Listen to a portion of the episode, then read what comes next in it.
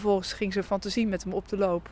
En situeerde hij daar een, uh, een bordeel in. En niet zomaar een bordeel, een heel bijzonder bordeel. Ik ben Mechtelt Jansen en ik hou ontzettend van literatuur en van Amsterdam. In deze podcast neem ik je mee naar bijzondere plekken in Amsterdam. Uit de boeken of levens van Nederlandse schrijvers. Ga je mee?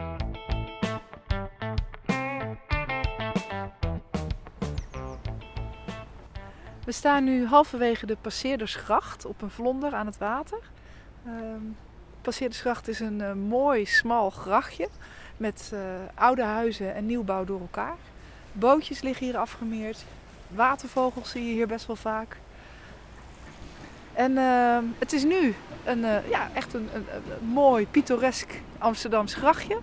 Maar in een boek van Bordewijk, namelijk Rood Paleis, komt het voor als een heel smerige plek. Een korte, lugubere gracht. Een smalle trog vuil water. De rioolgaten even boven het watervlak bloot in de grachtwallen, zwartachtig druipend. Enkele rioolratten half uit de gaten met een lange naakte staart, loom scharrelend. Een infecte gracht, kleine, rotte huizen. We staan hier tegenover een, uh, een wat groter pand aan deze gracht. Een, een vierkant blok van een pand. Um, dat nu een beetje grijs van kleur is, maar vroeger uh, echt roodbruin is geweest. En dat is het pand um, waarin in de fantasie van Bordewijk het bordeel Rood Paleis gevestigd zat. En het hele aardige daarvan, vind ik, is dat uh, Bordewijk dat bedacht zonder dat pand ooit zelf gezien te hebben. Hij had het pand namelijk gezien in een atlas van de stad.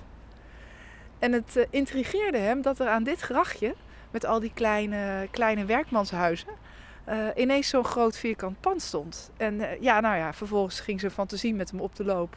En situeerde hij daar een, een bordeel in. En niet zomaar een bordeel, een heel bijzonder bordeel. Waar het allemaal net een beetje een, een randje van iets gruwelijks had, wat de heren daar konden meemaken. En dat was in zijn fantasie dan weer tekenend voor het fin de siècle van de 19e eeuw. Uh, dat uh, aan het aflopen is in die roman. Is Bordewijk hier dan nooit geweest? Ik denk wel dat Bordewijk hier is geweest, want Bordewijk is uh, geboren in Amsterdam. was ook als kind al heel erg gefascineerd door de, de nauwere straatjes en de sloppen en de stegen van de stad. Ging daar ook best wel graag op ontdekkingstocht op uit. Ehm, maar kennelijk had hij deze plek dan toch niet zo heel erg op zijn netvlies.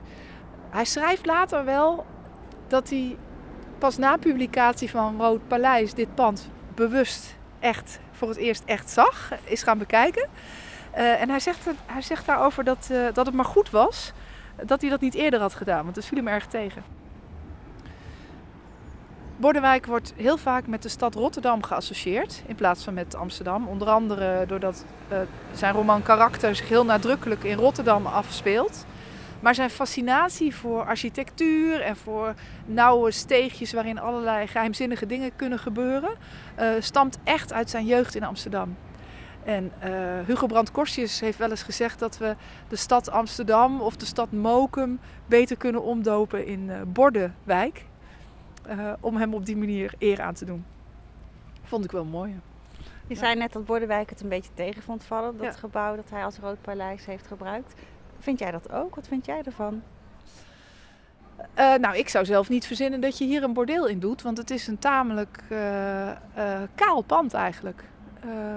veel baksteen, grijze baksteen, grote ramen met witte kozijnen, groen geverfde deuren. Maar het heeft iets, iets, ja, iets in zichzelf gekeerd. Dat, dat is wel zo. Maar als je in de roman leest hoe Bordewijk dat dan vormgeeft, dan is juist dat in zichzelf gekeerde, dat afgeslotene, bijna als een fort, uh, is dat wat het zo bijzonder maakt. Dus dat klopt wel. Mooi. Ja. Wat gaan we horen in het fragment? We gaan horen hoe deze plek wordt geïntroduceerd door Bordewijk in Rood Paleis. De twee mannen gaan hier uh, dus naar, naar Rood Paleis toe. Hè. Een van de twee is een heer, is een um, uh, vaste gast in Rood Paleis, komt er elke dag. Ondanks het feit dat hij impotent is. toch elke dag naar een bordeel. De andere is een oude schoolmakker van hem, die, eh, die hem heeft opgezocht en die nog even zijn wilde haren kwijt wil in Amsterdam voordat hij gaat trouwen. Ehm, en die wordt hier nu geïntroduceerd tot Roodpaleis. Daar, zei Henry en wees. Het is te dol, zei Henry, om je voornemen uit te voeren, maar ik voel dikwijls een impuls om voor dat gebouw mijn hoed af te nemen. Mijn hoge zijen zou ik hier willen dragen en dan majestueus mijn hoofd ontbloten voor dat gebouw. Thijs keek naar de overkant. Rood Paleis lag in het laatste daglicht. Een blok van een gebouw met vele ramen, de deur niet precies in het midden, gestoept naar de straat. Een zwaar pand van baksteen, bruinrood geverfd, lakbruin. De jaloezieën neer voor alle ramen. De jaloezieën van dezelfde geweldige kleur. Een pand van somberheid en verschrikking in de ogen van Zwarte Thijs. Een pand in zichzelf gekeerd als een onbewoond huis. Een pand met een geheim. Mooi. Was dit pand ook een bordeel? Nee, dit pand is nooit in gebruik geweest als bordeel. Het is in 1850 gebouwd als een, als een tehuis voor uh, behoeftigen, een toevlucht voor behoeftigen. Um, en tot 1920 is het, uh, is het zo gebruikt. Um, er heeft heel lang een uh, galerie in gezeten. En toen dat zo was, dat was eigenlijk wel heel leuk, een soort salon, um, was het huis ook aan de buitenkant wat roder geverfd dan het nu is. En van binnen was het ook helemaal ingericht in het rood. En nu zit er, als ik me niet vergis, uh, zo'n uh, verzamelkantoor voor ZZP'ers in die daar een uh, bureau kunnen huren. Ben jij Bordewijk-fan?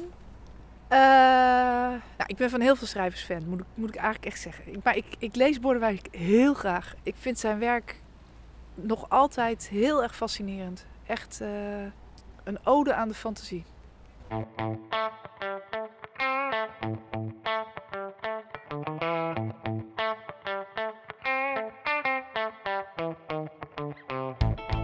Je luisterde naar Booklovers Podcast, een podcast over de stad, zijn schrijvers en hun boeken. De muziek was van Orbitert.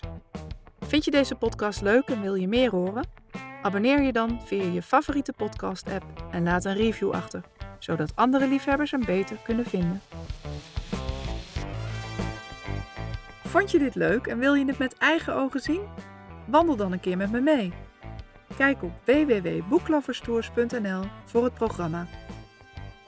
Ik ben Mechtel Jansen en ik maak deze podcast samen met Helen Jochems en Marielle van Tilburg. In de volgende aflevering staat Annie M.G. Schmid centraal.